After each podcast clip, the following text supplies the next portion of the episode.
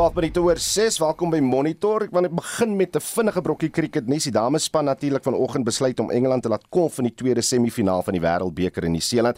Danny White is ster met die kolf, uh, maar Suid-Afrika het ook daartoe bygedra. Drie vangskote vanoggend van haar kolf af verbrou. Uh, sy het wel haar tweede eendag 100-tal bereik en is uiteindelik uit vir 129 lopies en dit van 125 balle. Uh as Suid-Afrika nou nie vinnig meer paadjies neem en die lopies beperk nie. So ek bevrees sal uh, ons dames dalk die hoogste telling nog in 'n semifinaal moet gaan jag om te wen en in die finaal in te kom. Uh telling tans 256 vir die verlies van 5 paadjies en daar bly nog 4 balbeurte oor. Heinrich Weingart, ek weet jy was al van vroeg af, af op saam met my om die krieket te kyk, maar uh, hoe lyk die koerante vanoggend? Eerder om te kyk wat op die koerante se voorblaaie aangaan môre Oudo. Beeld se hoofopskrif hulle geen pak met Dudula nie. Dit uh, nou die minister van polisie Bekkie Cele wat ontken dat hy die leier van die Dudula beweging in Slansla Laks Dlamini aangeraai het om deur die land te toer om te verseker dat sy ondersteuners gedissiplineerd optree. Die um, bewering of aantuiging is gemaak deur Dlamini se regspan maandag in Rodeport in die hof waar hy verskyn het. Die burger se hoofopskrif sitel en kabinet nog stewig in saal oor die twee mossies van wantroue teen die kabinet en die president waarvan die DA mossie teen die kabinet misluk het en die ATM sin teen die president nie eens die paal gehaal het nie. Met ander woorde, daar's nie eens daarvoor of daaroor gestem gister in die nasionale vergadering nie. Ook dan 'n kleurryke aandfoto van feesgangers by die KAK&K op Oudtshoorn wat alself verwonder aan die ligspel van die disco dans pret rit daar by hierdie fees. Volksblad.com se hoofopskrif sitel bly stewig in saal dit ook natuurlik oor die mosies van wantroue. En dan Landbou Weekblad is vanoggend vroeg gerefereer met nuus oor môre se uitgawe. Janet de Villiers gee raad oor hoe om 'n skans te bou teen totale verval. En dan 'n landwyse oproep dat misdadige veeagente aan die pen moet ry na aanleiding van die jongste bekkenkloseer uitbreking. Die Independent Online se tydsblad lê met die, die opskrif Thief or Foolies Nasfas ANC Youth League defend convicted student Sibongile Mani en dis oor die Oos-Kaapse student Sibongile Mani wat 'n vonnis van 5 jaar tronkstraf opgelê is omdat sy 800 000 rand bestee het van nagenoeg 14 miljoen rand wat foutiewelik deur die studente finansieringsskema in haar bankrekening gedeponeer is. Twitter, daar spring jy oor die of as jy spring oor die hitsmerke Will Smith en Chris Rock wat mos nou al 'n heel week gewild is, as ook die een oor die filmster Bruce Willis wat nou aangekondig het hy gaan nie meer optree nie weens 'n mediese toestand dan kom jy by die hitsmerk Batabile Dlamini uit oor wat dan nou 'n gepaste straf sal wees vir die president van die ANC Vroueliga en voormalige kabinetslid nadat sy skuldig bevind is aan myn eet en môre gevind sal word. En dit dan Heinrich Weingart met 'n oorsig oor die nuus en sosiale media. Nou die SMS vraag vanoggend uh, is wel oor Spongile Mafu, uh, die student van die Walter Sisulu Universiteit. Uh, sy is natuurlik gister in die Oos-London se Landroshof weens diefstal tot 5 jaar tronkstraf gefonnis. Dit hou verband soos Heinrich nou gesê het met die NSFAS geld van 14 miljoen rand wat in haar bankrekening betaal is. Die Landros Toinet Olivier sê 'n tronkstraf is die enigste opsie omdat Mani glo reeds sowat 800 000 rand van die geld aan luksehede bestee het. Uh net hierna het ons meer oor die storie, maar ons wonder tog Wat sê julle hieroor? Het so iets al ooit met julle gebeur dat hulle foutief geld in jou bankrekening gedeponeer het? Wat was jou reaksie? Wat het jy gedoen? Het jy direk bank toe of direk uh Shoprite checkers toe? Wil graag weet, laat ons weet. Uh en dink jy die straf wat Mani gekry het is te streng. Stuur 'n SMS na 45889. Dit kos jou R1.50 per boodskap. Jy kan ook 'n stemnota stuur na 0765366961 of praat saam op die Monitor en Spectrum Facebook bladsy. En ons kyk nou aan na daai storie uh, van die regspan van die student Spongilemani gaan aansoek doen om teen haar skuldig bevinding uh te appeleer. Ons kom later by daai storie uit uh, nee, nee Dalkens, ons bly by die storie. Uh die Oos-Londense Landroshof het Mani gister natuurlik uh, tot 5 jaar gevangenisstraf gefonnis. Ons het nou reeds die besonderhede aan julle gegee. Annelien Moses berig. Landros Twanet Olivier sê Mani se optrede was nie as gevolg van nood nie, maar hepsig omdat die geld nie aan noodsaaklike items bestee is nie. Olivier het bygevoeg dat Mani haar optrede oor 'n tydperk van 3 maande herhaal het. Sy het 'n doelbewuste besluit geneem en 585 studente sou as 'n direkte gevolg van haar dade ly as Intellimali nie die geld aan NSFAS terugbetaal het nie. Olivier sê 'n opgeskorte vonnis sou nie gepas wees nie. This court is of the view that a suspended sentence is inappropriate totally. The only form of sentence this court deems appropriate today is that of direct imprisonment, and you are therefore sentenced to a term of five years imprisonment. Mani se regsverteenwoordiger, Asanda Pakade, sê egter 'n opgeskorte vonnis pas by die misdaad. We have always held a long view that the conviction was incorrect. Also, the sentence equally. It's shocking to say the least. That's why the court even uh, did not hesitate uh, to grant us that opportunity to appeal this uh, conviction and sentence.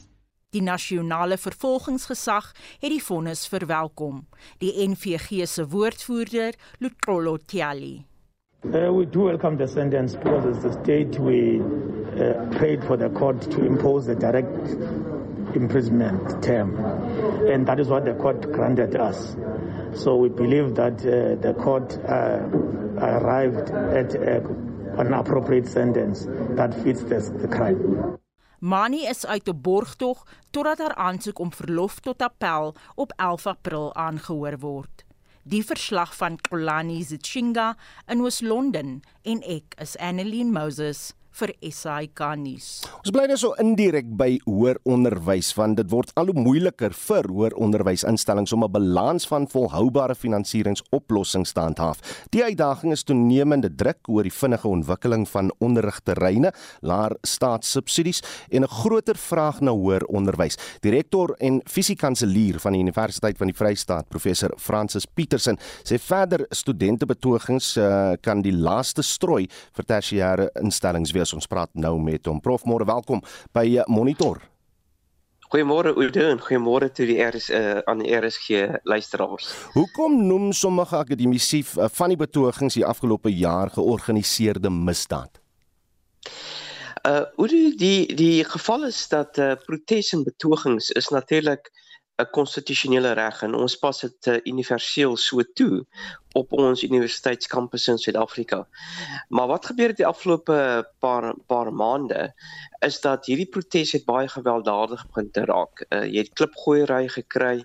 Jy het gekry dat uh, persone geboue uh uh se vensters uh beskadig en ook geboue die algemeen beskadig.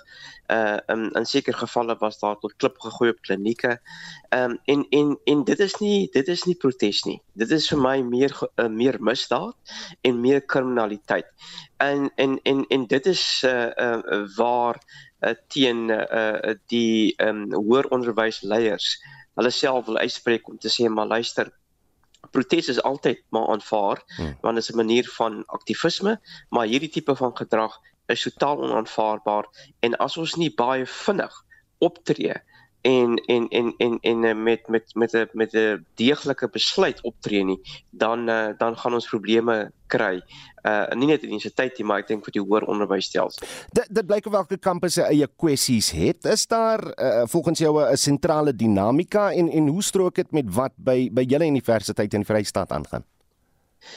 Ehm um, hoe dit, dit dit is maar ek dink baie van uh, baie van die die uitdagings is is maar oor die sektor. Daar is natuurlik uitdagings wat meer kontekstueel en meer uh uh um universiteitsgerig is. Uh baie van die uitdagings is maar oor oor finansiële hulp en ons het 'n nasionale finansiële hulpskema en dit is meer die die die detail daar daaronder. Uh weet uh die toelaag wat betaal word vir vir vir boeke, die toelaag wat betaal word vir akkommodasie, vir transport, uh en en wanneer die toelaag uitbetaal word. Uh so dis maar waarom dit om dit om dit gaan. Daar is 'n uh, tipe van spesifieke aspekte soos as daar vaksineringsbeleide is vir uh, byvoorbeeld vir universiteite, almal het net nie noodwendig nie en en dit raak 'n spesifieke universiteitsissue. En dan natuurlik ook uh, as daar uh, uitdagings is met uh, met registrasie, hmm. tegniese uitdagings of ander uitdagings. So ek dink universeel gesproke gaan dit maar maar basies oor finansiële hulp. En en ek dink uh die die die die impak wat ons gesien het is die is dat daar is 'n groepering van studente uh of hulle nou polities gedrewe is al dan nie uh, wat uh wat wat wat die konsessies wat universiteite gee in die in in in in in in die die die ek sou sê tydelike periode waar die finansiële hulpskema nog nie uitbetaal het nie hmm. dat daardie konsessies uh word partytjies nie aanvaar nie. En en dis vir my 'n tipe van 'n uh, uh, ek gebruik die die die Engelse woord entitlement. Hmm. uh um waar as sê maar luister ons wil dit hê. En as jy dit nie vir ons kan gee nie dan uh, dan tree ons op hierdie manier op uh wat wat wat wat krimineel kan wees. En daai tipe van gedrag kan ons nie nie as 'n universiteit bekostig nie. Ek dink nie is as 'n samelewing nie. Uh en die rol van die universiteit vir my is belangrik omdat ons ons is is deels verantwoordelik vir die opleiding van nuwe leiers wat in die gemeenskappe moet in, moet ingaan en wat 'n verandering in die land moet teweegbring. Uh, is dit te maklik vir uh, matrikulante om te kwalifiseer om te sit vir 'n graad by 'n universiteit in Suid-Afrika?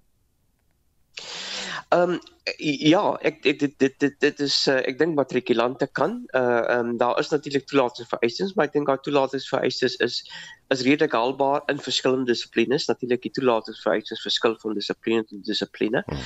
Maar uh ehm um, weet tersiêre uh uh ehm um, as jy kyk na hoeveel studente deelneem aan die tersiêre uh uh stelsel is dit om seker net so naby 20%. So dit is maar baie baie uh, jy kan dit maar sê uh, dit is nog steeds 'n eksklusiewe groep wat mm. wat wat gaan na na na universiteite maar oor die afgelope 20 jaar uh, 25 jaar is daar ongelooflike uh, vordering gemaak met uh, met die inname van 'n uh, baie diverse en getransformeerde studentekorps aan universiteite en ons het dit seker die groei is omtrent seker tussen 60 en 70% oor hierdie periode. So daar was baie gedoen om om om seker te maak dat uh, dat studente maak nie saak waar hulle vandaan kom nie, solank hulle die toelatingsvereistes hmm. wel uh, het uh kan universiteite uh betree.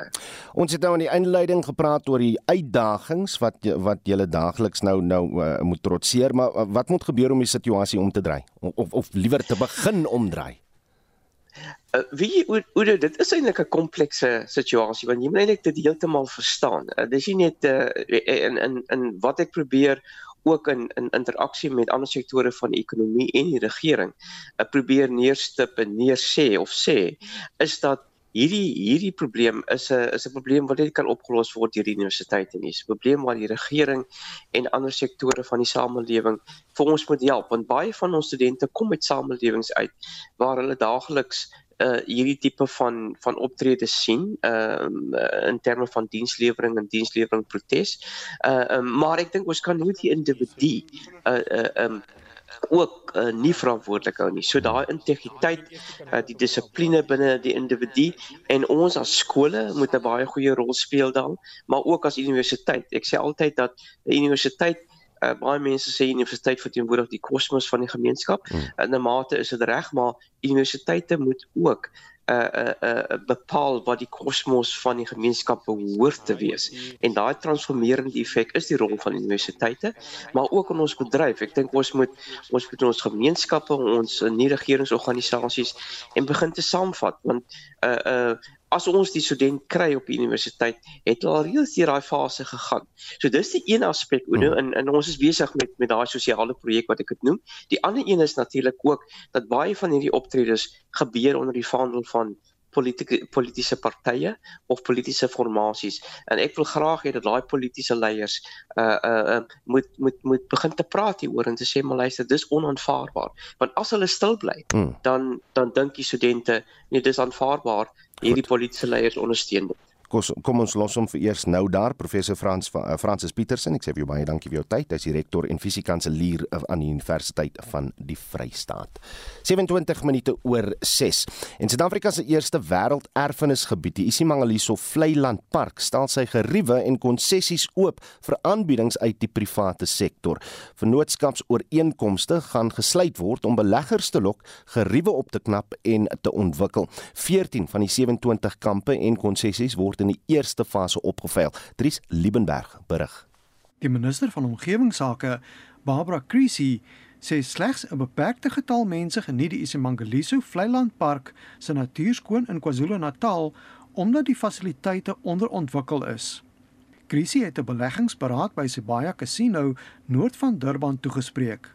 Die park is van voorneme om sy fasiliteite en konsessies ter waarde van 4 miljard rand vir vennootskappe met die private sektor oop te stel. Die veiling van die eerste stel kontrakte sal binne 6 maande gehou word. Krisie sê hulle hoop die vennootskap met die private sektor sal 'n positiewe impak hê. I think that what we are very good at as government is conservation, scientific knowledge. We're not so great on the tourism front. I always joke with sand parks that I'm not sure our international visitors want brown sheets and brown towels. So we think that by bringing in private sector partners, we can enhance the tourist offering. That tourist offering will be more attractive both to domestic and international tourists. Die Isimangaliso Vlei-land Park strek van St Lucia tot by Kosi Bay aan die Mosambiekse grens. Na die insluiting van marine beskermde gebiede beslaan dit 1.3 miljoen hektaar, die tweede grootste park in die land. Dis die tuiste van die oudste en grootste soogdiere op land, die renoster en olifant, as ook die oudste vis en grootste soogdier in die see, die seelekant en walvis. KwaZulu-Natal se LER vir toerisme, Ravi Pillay, sê die provinsiale omgewingsbewaringsdiens Esemvelo wie se fasiliteite weens begrotingsbesnoeiings en interne probleme agteruitgegaan het, hou die kommersialiseringsproses met belangstelling dop. Zambelo is uh, uh, certainly going to be looking at this very, very closely. In fact, we're part of the summit and we'll be taking key lessons from here for emulation under, for, in respect of the Zambelo assets. And we'd like to think that Zambelo has equally attractive assets uh, that the private sector would be interested in. Drakensberg is itself a World Heritage Site. Intussen sê Isimangaliso se uitvoerende hoofbeampte Sibusiso Bokosini, een van die hoekstene van die park se bestuur is dat gemeenskappe wat binne en op die grense van die park woon, daadwerklik voordeel uit toerisme moet trek. We do make sure that the communities living in and adjacent to this park play a meaningful role in partaking in the economic activities of the park, as opposed to them clapping hands for the big 4x4s going into the beach. We want them to also know that as the 4x4s and tourists are flowing into our, into our park, there is definitely something for them. Belangstelling in die private is bemoedigend. Our informal feedback is that the market has a significant appetite for it. Uh, sometimes we underestimate the value of our national assets and the extent to which uh, internationally uh, they are respected and, and want to see it grow. Terwyl akkommodasie in KwaZulu-Natal in die Desember vakansie en afgelope lang naweek gemiddeld 70% vol was, word daar verwag dat die toerisme sektor oor 2 tot 3 jaar weer op dieselfde vlak as voor die COVID-pandemie sal wees. Ek is Dries Liebenberg in Durban. Alex bevrees ons uh, dames span sal 294 lopies moet aanteken om die finaal van die vroue wêreldbeker te haal en dis nou teen Engeland vanoggend. Australië, hulle is reeds deur, maar kom ons kyk van nou eers na wat julle te sê het in ons terugvoer. Estie môre. Môre Oudo en ons praat ver oggend oor 'n student van die Walter Sisulu Universiteit Sibongile Mani wat gister tronkstraf opgelê is weens diefstal um, en sy is tot 5 jaar tronkstraf gevonnis nadat 'n nisvasgeld van 14 miljoen rand in haar bankrekening inbetaal is.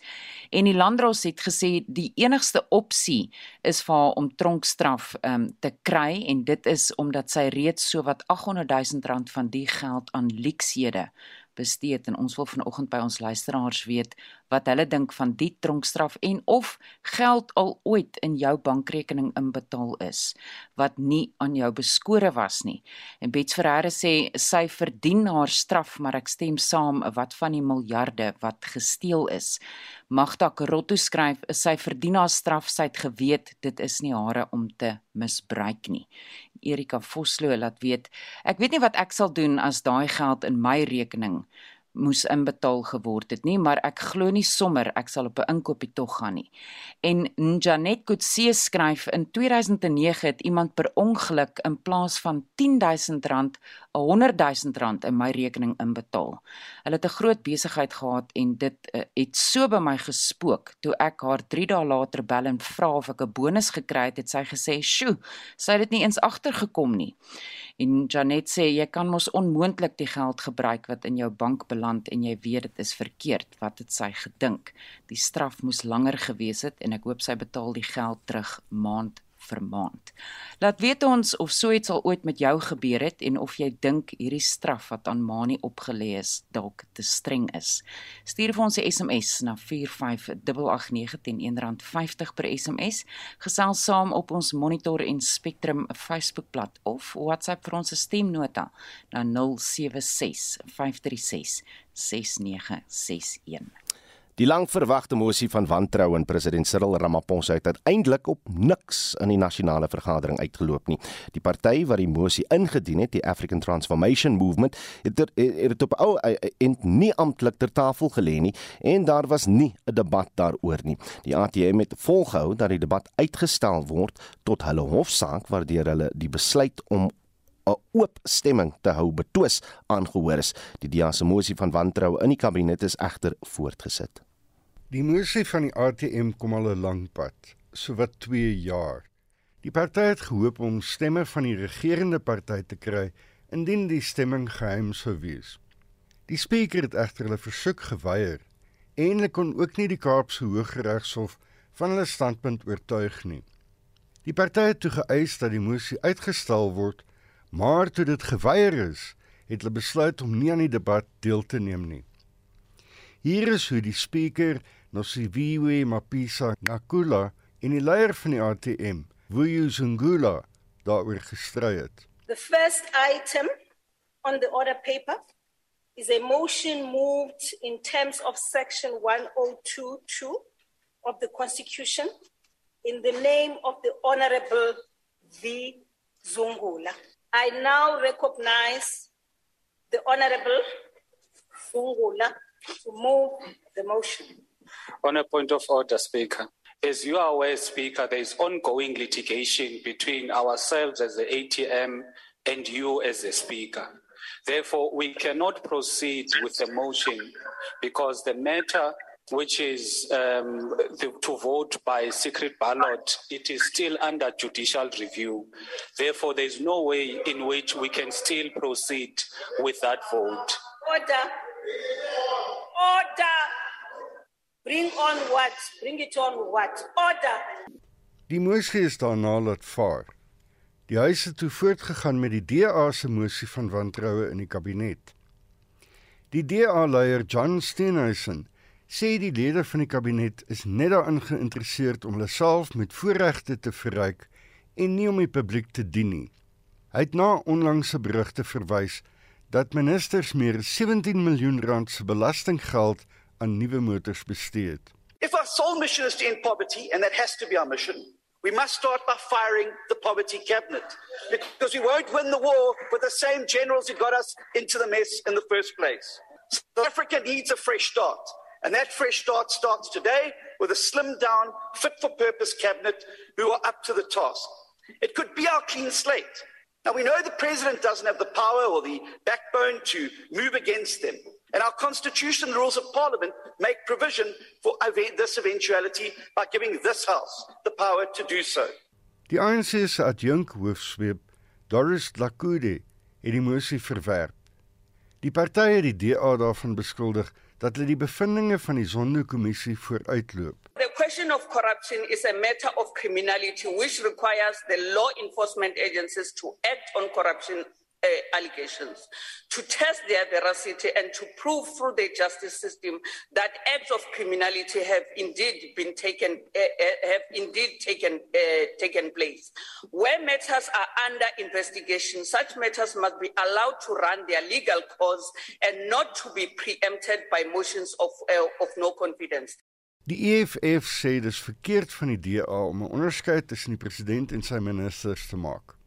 Die EFF parlementslid, Ntombo Vuyo Mente, het na 'n lys mislukkings deur kabinetsministers verwys en dit sluit die minister van vervoer, Fikile Mbalula, en die minister van openbare ondernemings, Pravin Gordhan in. Take minister Fikile Mbalula. Under his leadership, we have seen our rail transport network decimated beyond recognition. Traffic departments across the country are unable to process driving licenses renewals. Gauteng is still unable to resolve its e-toll nightmare. Roads across the country are littered with potholes. The country's roads are still death traps for thousands on every single year, and taxi violence has become normal in this country.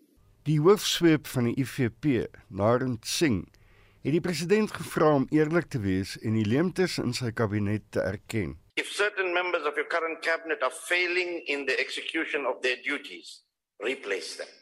South Africa first, political party second.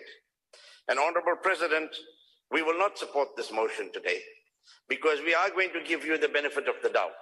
You are the leader. Take the necessary action to ensure that the people of this country benefit from your leadership and put in place cabinet members that would do justice to their respective portfolios. If we have the interest of the people at heart in this country, we should not be coming here and attacking each other, but rather embracing each other to find common ground and find solutions for the better of our South African 59 million people in this country. And that is what we should be doing. And yes, indeed, some of us do things better than maybe others do. What are we supposed to do? We should be learning from each other. Our mandate here is to represent 59 million people and create a better quality of life for them. Dit was die NVP parlementslid Sheikh Imam wat daardie bydrae van Joseph Musia afgesluit het. Ek is Hendrik Martin vir SAK nuus. Ons praat nou verder daaroor met professor Erwin Schwella, dekaan van die skool vir sosiale innovasie aan die Huguenot College. Erwin, môre welkom terug by Monitor. Uh wat gebeur nou met die ATM se mosie? Word die korrekte proses gevolg, dink jy? Wel, kom ons begin deur te sê dat die hof het um, beslis dat die mosie nie dringend is nie. Dit beteken nie dat die mosie nie belangrik is nie, dis nie dringend nie. Die implikasie is dat uh, die ATM gaan voort om te probeer om die mosie welgestel te kry by 'n latere datum en dan kan hulle weer aansoek doen by die hof dat dit 'n geheime stemming moet wees. Die dispuutpunt hier is of dit 'n geheime stemming of 'n openbare stemming moet wees.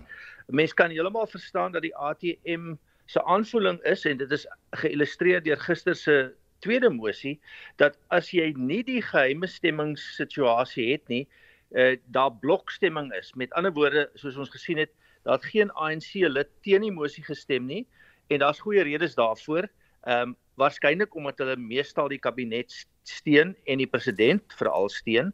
Maar indien daar 'n geheime stemming sou gewees het, is daar dalk dissidente faksies in die ANC wat ook teen die president wel in die geval uh sou gestem het. Hmm. So wat nou gebeur is prosedureel het die spreker beslis dat sy kan nie die debat uitstel nie. Die debat moet plaasvind.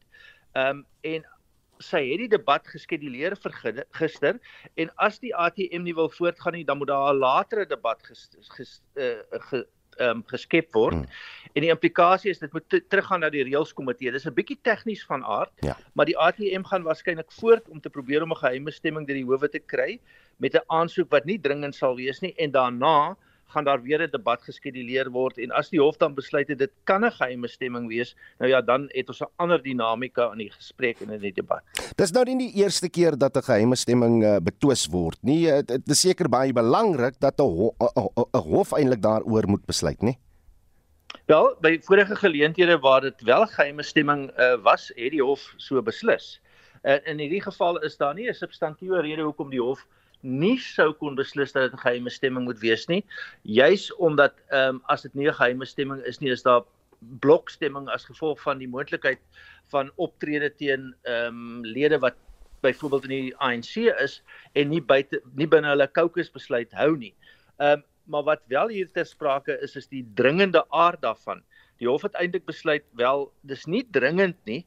Ehm um, uh, met met ander woorde die die die aansoek van die ATM is verwerp in die hof op grond van die feit dat dit nie dringend is nie. As hulle teruggaan en sê kom ons doen dit nou rustig, um, ons wil weer 'n 'n 'n geheime stemming ingestel hê, dan mag die hof beslis dat dit substantief geldig en regsgeldig behoort te wees, maar um, dit is nie dringend nie. Hulle moet net hulle tyd daaroor neem. As ons oor die ander debat kan praat en en die stemming nou oor die DEA se mosie. Hulle argumente oor hoekom uh, 'n mosie van wantroue in die kabinet gebring is. Wat wat is jou mening daaroor? Dit is uit die aard van die saak belangrik dat daar van tyd tot tyd in die in die parlement gedebatteer word. Die parlement is 'n oorsigliggaam en ehm um, die hele idee van openbare aanspreeklikheid word in die parlementêre betrokke konvensies en in die grondwet gewaarborg. Daarom is daar 'n artikel in die grondwet dat mosies van wantroue ingestel kan word. Wat ek wel vind is is dat ehm um, dit dit het nou eintlik ons politiek het vasgeval.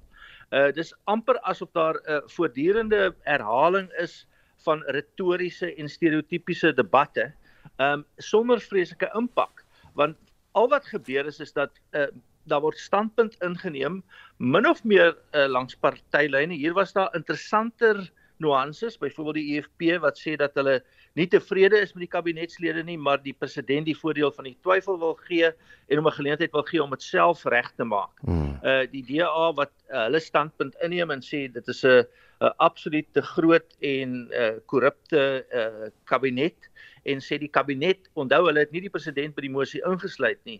Ehm um, behoort tot orde geroep te word en verantwoording te doen. Ehm um, maar terselfdertyd uh, is daar tog 'n gevoel dat hierdie dinge gaan nêrens nie. Dit bly op 'n retoriese vlak, stereotyp ehm um, en ons politiek is vasgeval. Ons moet probeer om waarskynlik 'n groter konsensus te bereik En uh, een van die lede interessant ehm um, ehm um, ek dink van die NFP wat gesê het ons moet ons moet nuwe benaderings probeer volg. Mm. Kan ons nie die debat 'n bietjie vernuwe nie? Ehm um, kan ons nie op een of ander manier kyk of ons 'n groter konsensus kan bou nie? Hierdie politiek is konflikterend van aard en toenemend begin mense wonder of hierdie konflikte nie ook die konflikte in die samelewing vergroot nie. Ehm um, want daar's hierdie standpuntinname en gevegte en Erwin, mense neem hierdie standpunte in. Uh, help my net so 'n bietjie uit hier en jy het nog gepraat van groter impak wat gemaak moet word. As ons politieke partye ernstig is oor kabinetslede wat verantwoording moet doen, dan het ek 'n vraag. Want die president het in 2020 uh, in sy staatsrede verwys na ooreenkomste, prestasieooreenkomste met elke kabinetslid. Hy het, hy het ook hierdie uh, ooreenkomste gesluit met hulle. Is dit nie hoogtyd dat 'n uh, politieke partye miskien inligting aangaande hierdie ooreenkomste eis sodat ons op 'n objektiewe manier ons ministers kan evalueer nie? Dit is 'n redelike tegniese poging uh, van die president om uh, binne die uh, binne die uh, presidentskap is daar 'n departement wat genoem word monitering en evaluering. En daar is prestasie oor die inkomste en dit word dan afgespreek in terme van doelwitte wat bereik moet word. Nou daai doelwitte word nie bereik nie en die president moet dan sy ministers verantwoordelik hou. En uit die aard van die saak, die inligting um, is bekend. Ehm um, die president is versigtig om dit te deel. Ehm um, mens sou byvoorbeeld 'n aansoek kon bring uh, in terme van die wet op die uh, bekendmaking van van inligting mm. om daai inligting te kry. Maar dit is dit is relatief uh tegniese aspekte byvoorbeeld prestasieooreenkomste sal sê hoeveel treine moet in 'n metropool loop. Nou ons weet daar loop geen treine nie. In elk geval nie in die Wes-Kaapse metropool nie. Ehm um, en dit sou afgespreek wees met minister Mabulula. Hmm. Maar as dit nou nie gebeur nie, dan word dit verpolitiseer en uiteindelik aan die groot klok gehang. Nou dis nie verkeerd nie. Ek dink net dit het te vasgeval geraak. Ek dink dat daar moet pogings weer wees om um, 'n nuwe konsensus te bereik die president self het 'n verenigende soort ehm um, beeld uh, en en vaar eintlik op die manier goed en daarom is daar nie 'n 'n 'n totale aanvaarding van die, selfs die DA se mosie nie by by die oppositiepartye nie. Maar maar dit lyk net asof die ding het stereotiep geword. Dit gaan eintlik nêrens nie. Dis 'n herhaling van dieselfde argumente. Ehm um, op 'n of ander manier gaan die DA op 'n bepaalde manier redeneer en die ANC gaan op die presies die, hmm. die manier redeneer waar waarop hulle vroeër geredeneer het. Ons moet probeer om 'n nuwe dinamika en 'n vernuwende benadering hierin te kry in die belang van al 60 miljoen van die land se mense. En dit was die dekaan van die skool vir sosiale innovasie aan die Huguenot College professor Erwin Schwelle.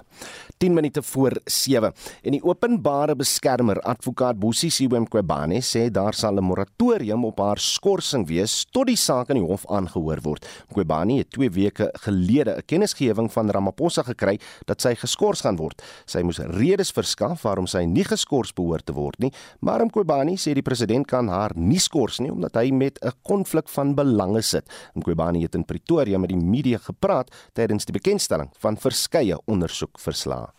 Dit is net nog 'n regstryd vir die openbare beskermer. Die president het haar 10 dae tyd gegee om redes te verskaf waarom sy haar amp moet aanbly. Sy sê die president het haar egter grasie gegee terwyl sy hof toe gaan. Finally, the president's legal team agreed that uh, let's uh, pend the response to the intention to, to suspend until such time the matter then is ventilated in court. So we'll be dealing with that. They've agreed to timelines on how we are going to process the matter, and uh, there will be a moratorium then on the suspension for now. Mqwebane argumenteer dat die president haar nie kan skors nie omdat hy botsende belange het.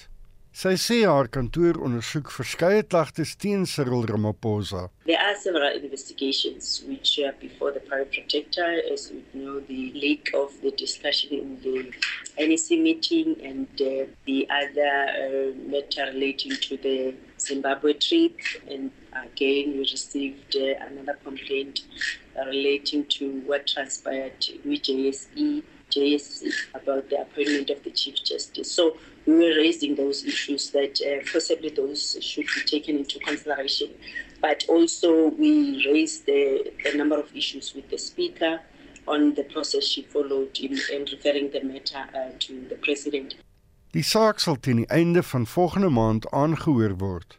I think we will be filing our papers by tomorrow, and uh, apparently, because there's an agreement between our legal teams on uh, changing of pleadings and documents, but then it will depend as well whether the judge president agrees to those timelines. We are proposing that uh, by the 25th or 26th of April, the matter will be heard in court.